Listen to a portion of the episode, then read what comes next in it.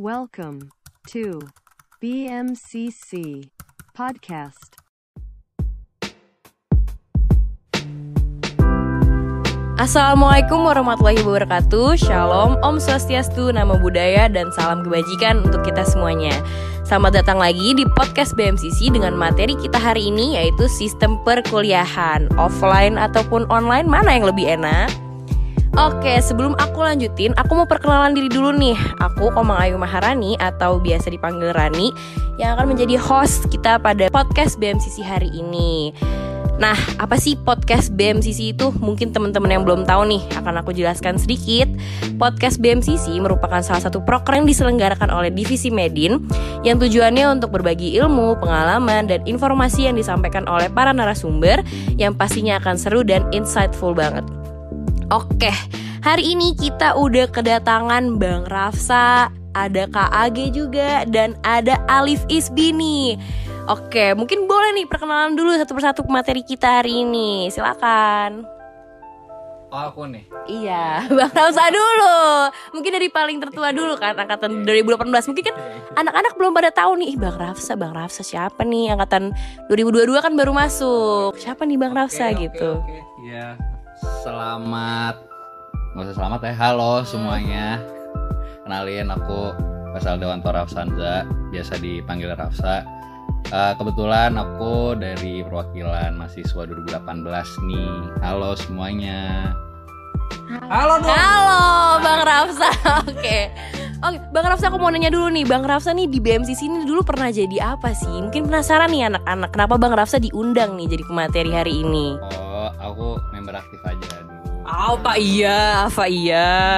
Nggak Iya. percaya, nggak percaya. Ya dulu apa ya?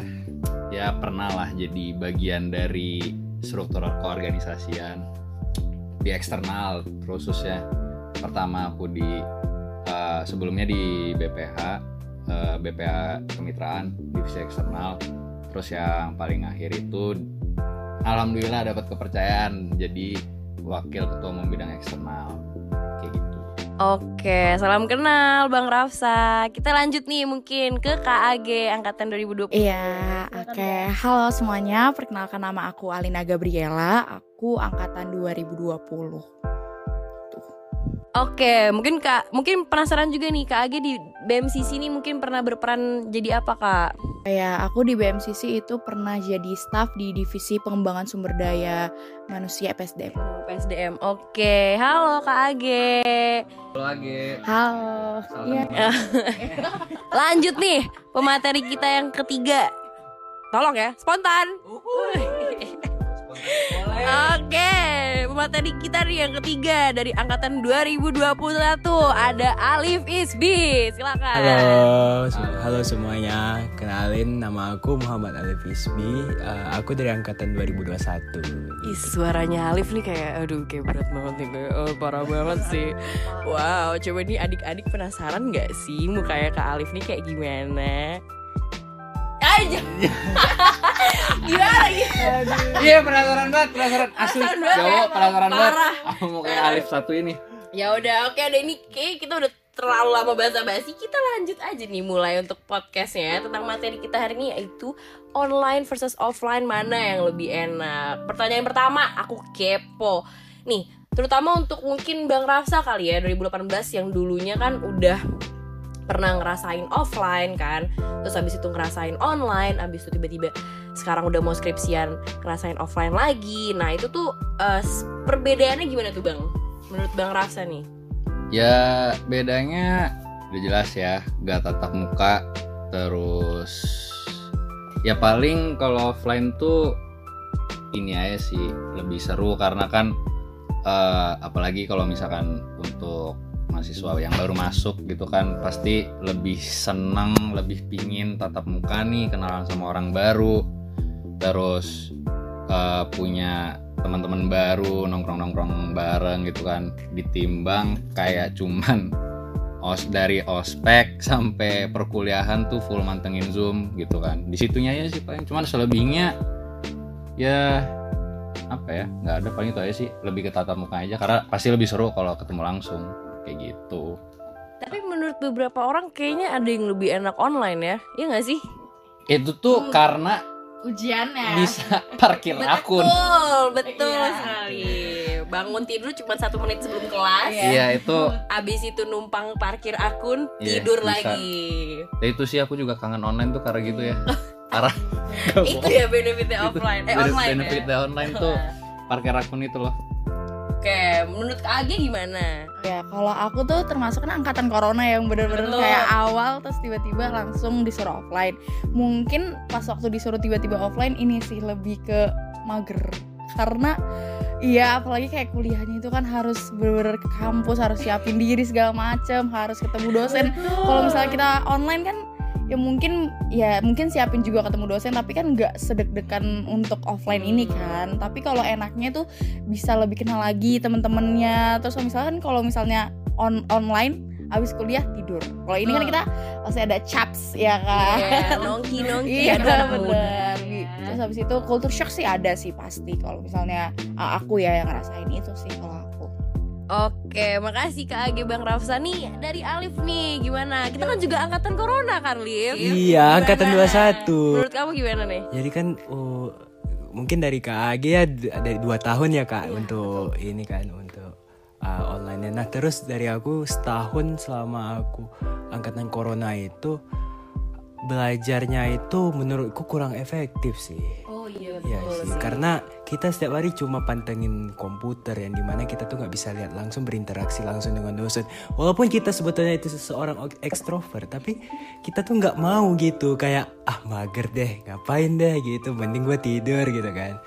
Nah, dan sekarang kalau udah offline gini, kultur shock banget sih. Apalagi aku yang dari Sumatera gitu kan, merasakan sangat berbeda gitu dengan kultur online dan juga offline-nya gitu. Mungkin budayanya juga ya budaya dari Sumatera sama budayanya orang Jawa tuh beda ya. Mungkin nih aku follow up question nih jadinya. Aku penasaran nih, mungkin kalau di Sumatera gimana tuh pembelajarannya kalau di Sumatera sebelum kuliah nih kan pas SMA berarti kita masih kena online kan?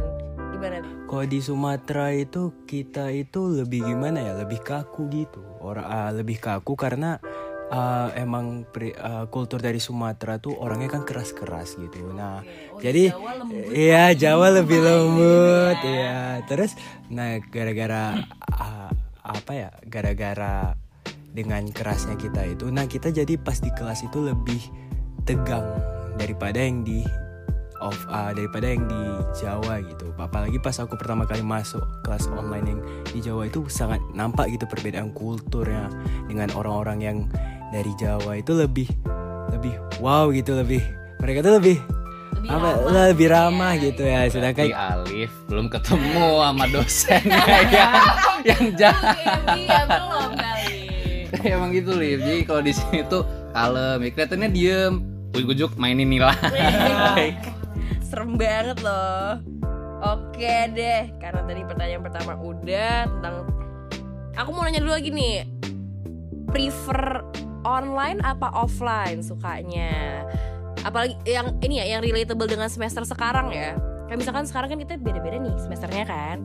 Tadi Bang Rafsan nih yang udah mau skripsian. Aduh kayak aduh gue pengennya tuh ujiannya tuh sebenarnya tuh semha si pro kompre tuh pengennya online tapi pas yudisium baru pengennya offline apa gimana? Hmm, ya bener sih karena kalau kalau aku pribadi ya maksudnya aku tinggal skripsian sih pinginnya eh, kayak bimbingan pokoknya yang tentang skripsi skripsian lah aku sih prefernya online cuman mungkin nanti di akhir entah di yudisium atau pas wisuda ya pasti harus datang kan hitung-hitung foto direktorat aja gitu biar keren ya ada Universitas Brawijaya ya bang Hmm. Oke, kalau dari KG gimana? Prefernya gimana nih? Iya, kalau aku itu jujur lebih prefer online sih juga karena tapi sebenarnya ada plus minusnya masing-masing kan. Kalau kenapa kalau lebih prefer online? Karena ya itu sih kayak apa eh, mungkin materinya kalau sama dosennya itu lebih lebih walaupun nggak memanfaatkan waktu dengan baik ya kalau di kelas online itu. Tapi eh, aku ngerasa kayak di online itu kayak lebih jelas gitu loh untuk mendapatkan materinya. Nah terus habis itu eh, tapi yang aku suka di offline ini tuh aku bisa eh, lebih kenal banyak sih sama teman-teman bisa keep in touch lebih banyak. Tapi yang minusnya tuh di offline itu kayak apa sosial baterai aku tuh lebih sering habis. Karena kan ketemu apalagi ap- kamu ngerasain kan pasti Iya, pas pertama kali ke, pas pertama kali offline tuh kayak setiap detik setiap jalan tuh kayak hai hai Iya iya, aku sampai ngomong juga sama teman-teman aku. Kayaknya ini kita kita ke kampus tuh 75% tos-tosan sama Iya. orang, 25 persennya kuliah. kayak- iya betul aku tuh dulu kayak yang aku sem- maksudnya fine aja nih sama tos-tosan apalagi BMCC punya tos kan Iya betul. terus kena online sekarang offline lagi aku tuh bener-bener kalau yang udah lima orang lebih nih tosnya ya ya ya ya Tosnya sama angin. udah udah udah udah udah karena setiap Gini jalan aja kayak tuh bakar pasti ketemu sate. orang pas setiap jalan entah ke mana dikit pasti ketemu orang gitu sih Eh, pasti kayak betul. aduh bisa gak sih ya gue udah kenal lo tapi ya gimana namanya juga manusia kan berinteraksi gitu sih Manner juga Ya, kan, betul. sapa-sapa. Oke, dari Alif gimana? Enakan dari mana aku nih? sih lebih pilih offline sih. Oke, kenapa tuh? Kenapa? Karena aku jujur ya, aku di online itu nggak paham apa-apa. Pasti pe- gimana ya kalau waktu ujian tinggal lihat Google atau ngapain kan Hmm. udah pasti itu buka Google. Nah, kalau offline ini lebih ini sih, memang betul sih kata Kak Gia tadi kayak sosial apa sosial power kita lebih Sosial baterai, lebih- oh, sosial ya, baterai kita iya, lebih cepet terkuras. habis. Tapi ya ketemu dengan kawan-kawan tuh asik loh gitu. Betul. Sebenarnya tipe orang mungkin beda-beda ya. Kan ada yang kalau tipe ngecharge-nya tuh malah pas ketemu orang lain baru kecas energinya. Kalau di rumah malah kayak lesu apa. Tapi ada juga yang kayak ya abis nih kalau ketemu orang kan capek. Tuh. ada yang modal tos doang langsung oh happy lagi Iya, itu siapa tuh contohnya? Boleh dikasih tahu gak? Nggak tahu ya ini mah yang penting ngomong aja Oke. ngomong aja kan ngalir Oke. aja kayak tadi ya kan kayak spontan Oke. gitu Uy, asik. Boleh masuk masuk. Oke, kalau dari sistem ujiannya nih. Aduh, kan kayak Oh, iya. kalau kayak aku sama Alif nih 2021, mungkin sama KG juga nih. Baru ngerasain offline juga kan KG kan berarti kan kita kayak nggak pernah nih ujian UTS tok eh eh, UTS UAS eh, offline gitu kan. Kayaknya yang aku denger-denger nih, UTS UAS offline itu akan terstruktur. Maksudnya dalam seminggu jadi kayak waktu SMA gitu loh Hmm. Senin matkul ini ini ini Selasa matkul ini ini ini apakah betul seperti itu atau tetap kayak pas online kemarin kan sesuai jadwal matkulnya aja terserah dosennya gitu gimana Ya, dari Bang Rafsa itu benar tapi kadang tuh gimana ya kalian juga ngerasain gak sih setiap dosen tuh punya maunya sendiri kan buat ujian tuh? Entah ada yang lisan atau udah ngambil dari nilai tugas sebelumnya. Cuman kalau yang masalah terstruktur itu benar. Ya kayak it- kayak kita balik lagi ke SMA kayak USBN UTS UAS tuh ada. Dan ya udah. Eh, itu ada yang eh, terstruktur yang emang yang ya udahlah yang modal belajar semalam atau sebelumnya tapi kadang juga ada dosen yang membolehkan untuk open book Oh, atau iya. open dari sumber lainnya kayak gitu itu sih ya nantilah kalian ngerasain mudah-mudahan sih nggak dapet ya aduh oke nih untuk pendengar teman-teman pendengar podcast ya mungkin harus dipersiapkan nih berarti ini mentalnya ya tipis-tipis ya iya. dari Mungkin kan ada aku dengar juga beberapa dosen tuh ada yang dari tahun ke tahun tuh soalnya sama persis. Jadi bisa nih mungkin teman-teman dicari tahu nih kakak-kakaknya yang ada satu dosen dulunya sama, mungkin bisa kali ditanyain soal UTS-nya, soal UAS-nya kayak gimana biar bisa belajar juga. Apalagi kita bentar lagi kan nih mau tes iya betul. Akhir bulan. tes ya bentar lagi? Iya. Enggak. Dari late. spill tipis-tipis Iya dong. Ayolah Bang Kakak ini. ketua. Aduh angkatan kita bentar lagi UTS nih bang akhir bulan ini Oke, jadi baik. teman-teman bisa dipersiapkan ya mentalnya ya Oke, pertanyaan selanjutnya karena tadi kita udah tentang sistem perkuliahan, aku sekarang mau nanya tentang pengalaman berorganisasi nih dari kakak, abang sama teman-teman. Boleh diceritain nggak gimana pengalaman organisasi di BMCC ataupun di luar BMCC atau mungkin kegiatan lain di perkuliahan online dan offline di FHUB tercinta kita ini. Gantian nih, jangan Bang Rasa duluan deh. Alif duluan sekarang. Silakan. Oke, kalau dari aku ya, hmm, selama aku di selama perkuliahan ini aku tuh lebih karena online ya kan online jadi kayak apalagi pas pembukaan LO itu macam semangat banget jadi Oh, yang kemarin open house ya? iya pas open Iya, house betul, apalagi betul, online betul. kayak merasa wah kayak semua menarik nih ya Hmm. Nah, jadi aku pilih itu di BMCC sama KDFH gitu Oke. untuk di KDFH-nya aku sebagai staff PSDM dan untuk di BMCC-nya aku sebagai staff di Strakom. Ih, keren banget loh. Banget, gak bohong. Keren banget, parah, maksimal. Eh nih, mungkin adik-adik bisa nih di coel-coel nih Kak Alifnya nih buat tips and tricksnya kalau misalkan mau jadi staff BMCC, staff ADFH. BTW kalau misalkan ada pendengar podcast ini eh, anak-anak BMCC boleh banget kan main ke sekre setiap harinya kalian mau istirahat di sekre kalau lagi ada eh, jam pergantian matkul mau makan mau berkeluh kesah mau nangis mau teriak-teriak itu boleh datang ke sekre BMCC Beli dan usannya jangan lupa ya. oh iya betul sekali. Itu juga jangan lupa. Dan pesan kita risolnya terenak. Ini jujurly jujurly nggak Tetep bohong. ya memajukan program kerja. Lewat podcast. jujurly nggak bohong. Aduh. Kayak aku tuh nggak pernah suka risol gitu loh. Tapi kalau makan risol BMCC aku suka. Masuk, aduh. Masuk, masuk. oke lanjut nih ke KAG gimana ya kak? Oh iya, kalau aku uh, aku banyak waktu online itu banyak banget berpengalaman organisasi di BMCC, apalagi di staff PSDM itu waktu itu uh, prok uh, proker-proker yang aku pegang itu kalau misalnya masih ada sih sekarang kalau nggak salah itu PSDM kelas 1 sama kela- uh, PSDM kelas 2 itu bentuknya webinar. Sebenarnya uh, serunya itu kita uh, kalau di online ya yang paling aku tekenin itu punya relasi yang lebih banyak. Kenapa? Karena kita ngubungin pemateri bahkan pemateri yang jujur kita nggak kenal aja ha, secara tidak langsung harus kita hubungin kan untuk menjadi mitranya BMCC sebagai pemateri gitu kan nah terus habis itu eh, yang sulitnya itu paling mengumpulkan peserta pasti itu juga di- dialami kan sama teman-teman sekarang pengurus Iya, itu tuh pasti pasti banget kan. Tapi tapi ya gimana ya namanya juga kewajiban. Terus yang kita pastikan yang diberikan BMCC itu pasti keren-keren banget prokernya dan itu bermanfaat juga sama orang-orang yang nonton yang ikutin acaranya dari awal sampai akhir pasti nggak ada yang sia-sia sih itu sih kalau aku online-nya yang aku rasain sih untuk prokernya Oh. itu. Kalau dari offline-nya nih kak, udah berasa belum nih proker-proker offline-nya? Kalau proker-proker offline-nya udah sih udah ngerasa capeknya sih untuk rapat. Capek mulu ya. Danusan, danus. Risolnya kakak, boleh kakak. Bikin capek apa gimana? Oh enggak dong, happy tetep. Enggak Enggak happy dong. tetep, happy Iya, dong. happy dong. Jangan-jangan sosial battery Justru. Emang emang ya? Enggak, enggak. Karena Enggak. Oh, Karena ketemu orang BMCC itu kan seru-seru banget. Ada yang dibilangnya masing-masing kan. Kayak ada yang lomba NMCC. Nah, habis itu pokoknya seru sih apalagi yang tadi kamu bilang main ke secret. Kalau misalnya capek habis kuliah terus main ke secret itu seru banget ketemu. Hmm. Apalagi misalnya kayak aduh habis nggak habis ketemu dosen ini matkul lagi gini kan berkeluh sama abang kakak sekalian kan, Betul. gitu.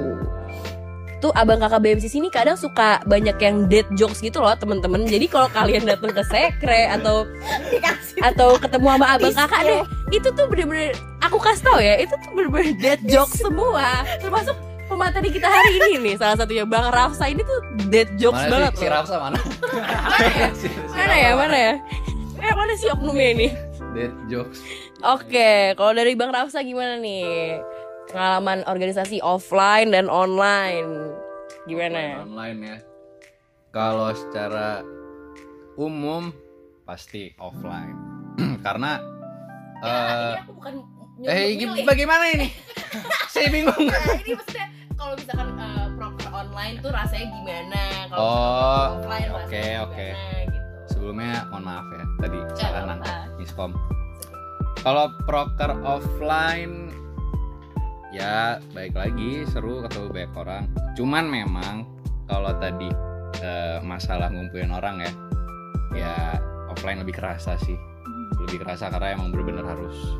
Apalagi kalau mintanya dalam jumlah yang banyak gitu Iya. ya, Harus Karena Dirangkul langsung kan banget ya. Bro, tatap wajah kan langsung. orang-orang tuh beda-beda ya ada yang di chat doang langsung Hmm. mau datang ada yang harus di call ada yang di call lima kali dulu ada yang disamperin Iya. ada yang disamperin ngumpet di toilet aduh, aduh kenapa tuh? ada yang ya macam-macam lah itu aja paling eh, apa agak Susah sul- senangnya ya. ya, susahnya kalau proker offline tuh kalau online serunya apa ya ya Mencari. gimana ya seru aku tuh jujur ya aku tuh menemukan keseruan sendiri gitu loh proker online gara-gara layar zoom itu aku main-mainin Tuh kan, sendiri gitu tuh kan.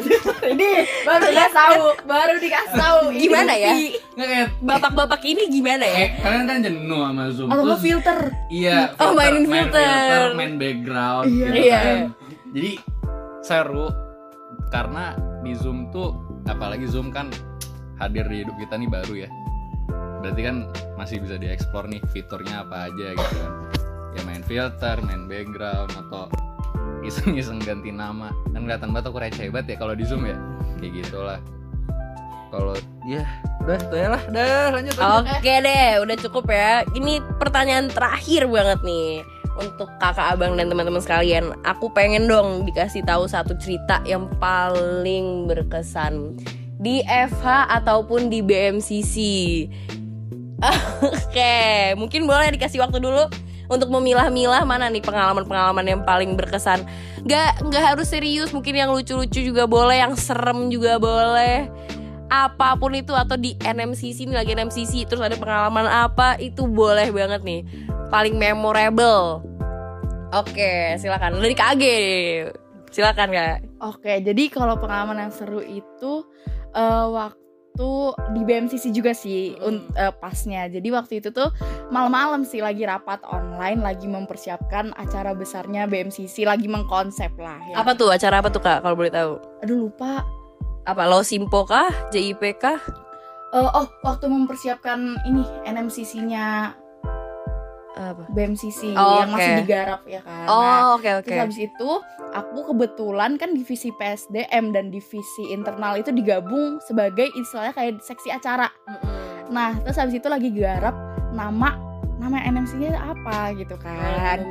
Terus habis itu habis itu pasti lo tahu kan terus habis itu aku ngambil dari nama salah satu sejarah di eh, ka- kamu tahu kan punya Almet logo iya raja logo. raja Nah, Brawijaya Aku lupa namanya siapa. Terus habis itu pokoknya eh, agenda rapatnya tuh untuk menjelaskan apa tuh makna dari logo yang udah dikasih tahu sama setiap staff. Nah kebetulan logo aku sejarah. Terus aku bener-bener buat presentasi tentang sejarah itu. itu kalau emang kalau yang lainnya gimana tuh Ya, persiapan kayak staff? nama guru besar gitu kan. Jadi kayak profil Oh. guru, besar. Nah, aku tuh tentang pokoknya kalau nggak salah itu kan kerajaan Majapahit. Majapahit ya loh kok Majapahit ya Sriwijaya ya? Kayaknya Sriwijaya Sriwijaya ya? Sriwijaya Sumatera Selatan. ketahuan dia anak Orang-orang siapa yang NMCC dia itu situs peradaban. kayak kayak kan disuruh kan terus apa maknanya gitu kan terus kayak pas pas aku baca tuh kayak ini sejarahnya terus aku bener-bener presentasiin ke BPI Kodim BPI Kodim BMC tuh kayak gini-gini loh bang gini makanya cocok dulu terus kayak mereka tuh bener-bener kayak katanya oh A- Agi tuh lagi jadi guru inten belajar sejarah Oke, Itu sih itu paling berkesan iya. ya dari KG. Mungkin Gitu. silakan nih, Bang Rafsa apa nih Aduh. paling berkesannya? Apa ya? Kalau Udah paling lama kan di FHUB dan. BMCC. kalau ditanya paling berkesan, aku jawab di Eva dulu deh ya. Paling berkesan tuh waktu apa ya? Susah banget nih pertanyaannya. Susah loh. Ayo, susah mungkin banyak ya, jadi Karena- susah buat milihnya. Iya banyak enggak, dikit juga enggak, tapi kebetulan ada aja gitu. Kayak kalau di Eva kemarin. Apa eh, nih mungkin horor dong ya horor-horor gitu. Pernah nggak nih Bang Rafsa? Aduh, aku Kenapa? tuh gak pernah kena horor, tapi teman pernah. Ya udah boleh Iya, deh boleh, Di diceritain. B. Oke, gedung boleh B. diceritain Nah, Bang. Jadi temenku waktu itu kita lagi ada persiapan apalah aku lupa acaranya. Terus itu tuh udah mungkin jam 8 atau jam 9 malam aku lupa. Terus ya kita lagi biasa aja gitu, lagi habis kelar persiapan. Temenku juga lagi apa lagi apa ngejokes aja gitu dia dengan tariannya gitu kan Waduh, nari-nari gimana tuh maksudnya? ya tari-tari Iya. lucu-lucuan aja gitu maksud Ah. dia terus pas dia nari terus pa- dia tuh lihat ke atas ke arah atap gedung B Ini posisinya di lantai satu di, nih. di lantai paling bawah di lantai satu gedung B Berarti di atas gelap banget. ya udah udah udah remang-remang gelap lah. Itu sekitar jam berapa nih kejadiannya? Ingat nggak bang? kan tadi udah bilang. Oh udah ya? Oh mohon maaf nih. Mohon maaf mohon maaf. Boleh direkap Boleh direkap Direkap ulang Mohon maaf ya.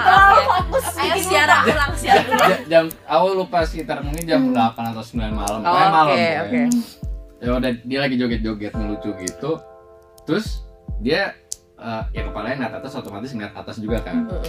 Nah bentuknya tuh kan gedung B ngelingkar gitu kan kayak Iya. apa sih Iya. Lingkaran Ya, pokoknya- Sampai ya. sampai atas Lingkaran gitu kan. gitu.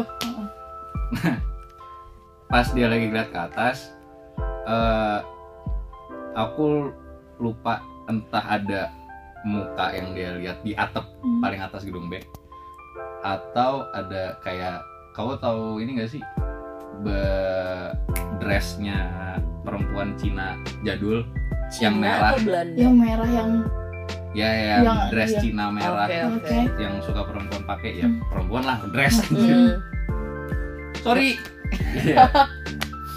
ya entah muka atau ada si perempuan si baju merah Hmm. itu lagi nurunin gitu Nu- nurunin, Nurunin ya gedung B kan B. gitu kan Muter lingkaran gitu kan. maksudnya? iya Cepet gitu kejadiannya Maksudnya dia turunnya cepet gitu ya cepat atau enggak ya nggak tahu ya tapi temenku sampai Pokoknya rada bengong gitu. gitu bengong terus dia langsung kayak tutup mata cabut keluar dari gedung B habis itu ya ada yang nyamperin kan nanya Hmm. kenapa ya tadi gua habis lihat gini gini gini ya udah kayak gitu Oke Baik, sebenarnya baik sih kalau cerita horor tuh tapi yang aku sendiri alami Nggak pernah Nggak pernah, tapi Iya. temen ya? iya Ya, mungkin buat teman-teman yang belum tahu juga nih, kita nih Fakultas Hukum nih tertua kan di Iya. Universitas Iya, Brawijaya. Jadi gedungnya juga gedung paling tua tuh gedung B juga kan kalau nggak salah ya. Gedung C. Oh. Iya, Widloka, sama iya. Widialoka juga gedung tertua. Jadi untuk gedung C sama gedung A itu golongannya baru ya gitu. Jadi mungkin banyak lebih banyak kejadian-kejadian di gedung B. Oke, makasih Bang Rafsa KG. Sekarang kita terakhir nih ke Alif nih, penutupan. Gimana mungkin kalau dari aku ya lebih ke lucu ya karena ah, apa mungkin memalukan sih Waduh, kenapa tuh? Kenapa tuh? Jadi pas uh, awal-awal masuk ke Eva ya kan aku baru datang ke Eva nih bulan Agustus ini. Mm-mm. Nah, jadi waktu itu lagi PK2 maba. Oke, ini berarti tahun lalu ya kejadiannya. Tahun tahun ini dong. oh, PK2 maba Iya, 2022, iya. Jadi saya tidak tahu lah siapa nama maba tersebut ya. gitu. Mm-mm. Jadi kejadiannya di gedung C. Ya, gedung C. Nah, aku kan baru pertama kali ke gedung C. Mm-mm. Jadi aku nggak tahu di mana toilet. Oke. Dasarnya tidak tahu di mana toilet dong. Ini Nah, sebetulnya sebetulnya mudah kan di sebelah di sebelah kanannya gedung C, Iya, gitu langsung kan. belok kanan ya. Nah waktu itu belum tahu. Terus tiba-tiba ada maba dong nanya, kak toilet di mana? Ini yang sering-sering terjadi di Sabar dong. TikTok. Terus Silakan lanjut. belum lu Terus belum bilang. Sama aku juga lagi cari toilet. Dong kita cari sama-sama. Ini baru lucu, itu baru lucu. untuk maba itu ya, untuk Aduh, siapa pun ini- maba itu yang tanya. Ini nih. Maafkan saya. Malunya, Dicari malunya. ya. Iya. Dan ini orang BMCC sweet juga ya Nyari Nyari maba. bareng-bareng. nyari Nyari bareng bareng. Emang makhluk sosial banget nih orang-orang BMCC Aduh. Masalahnya dia pakai pakaian maba dan gue pakai pakaian biasa. Jadi ketahuan ya kalau cutting gitu kan. Jadi lebih malu. Aduh, ini deh ya pro kontranya kita offline online ya kan. Sampai malu dis- ditanya maba toilet di mana. Gak Saya juga lagi. tahu deh. Saya kan angkatan corona. cari bareng Cari bareng. Aku pikir kita cari bareng. Malah tinggal masuk belok kanan. Aduh, oke deh. Oke deh para pendengar BMCC pod podcast BMCC sekalian, kita udah tiba di penghujung podcast. Terima kasih banyak untuk Bang Rafsa, Kak Age, dan juga Alif yang udah berkenan untuk sharing bareng-bareng di podcast BMCC kali ini. Nantikan podcast BMCC selanjutnya ya. Wassalamualaikum warahmatullahi wabarakatuh. Shalom, Om Swastiastu. Brawijaya Motor Community Sampai dan semu esok pasti lebih baik.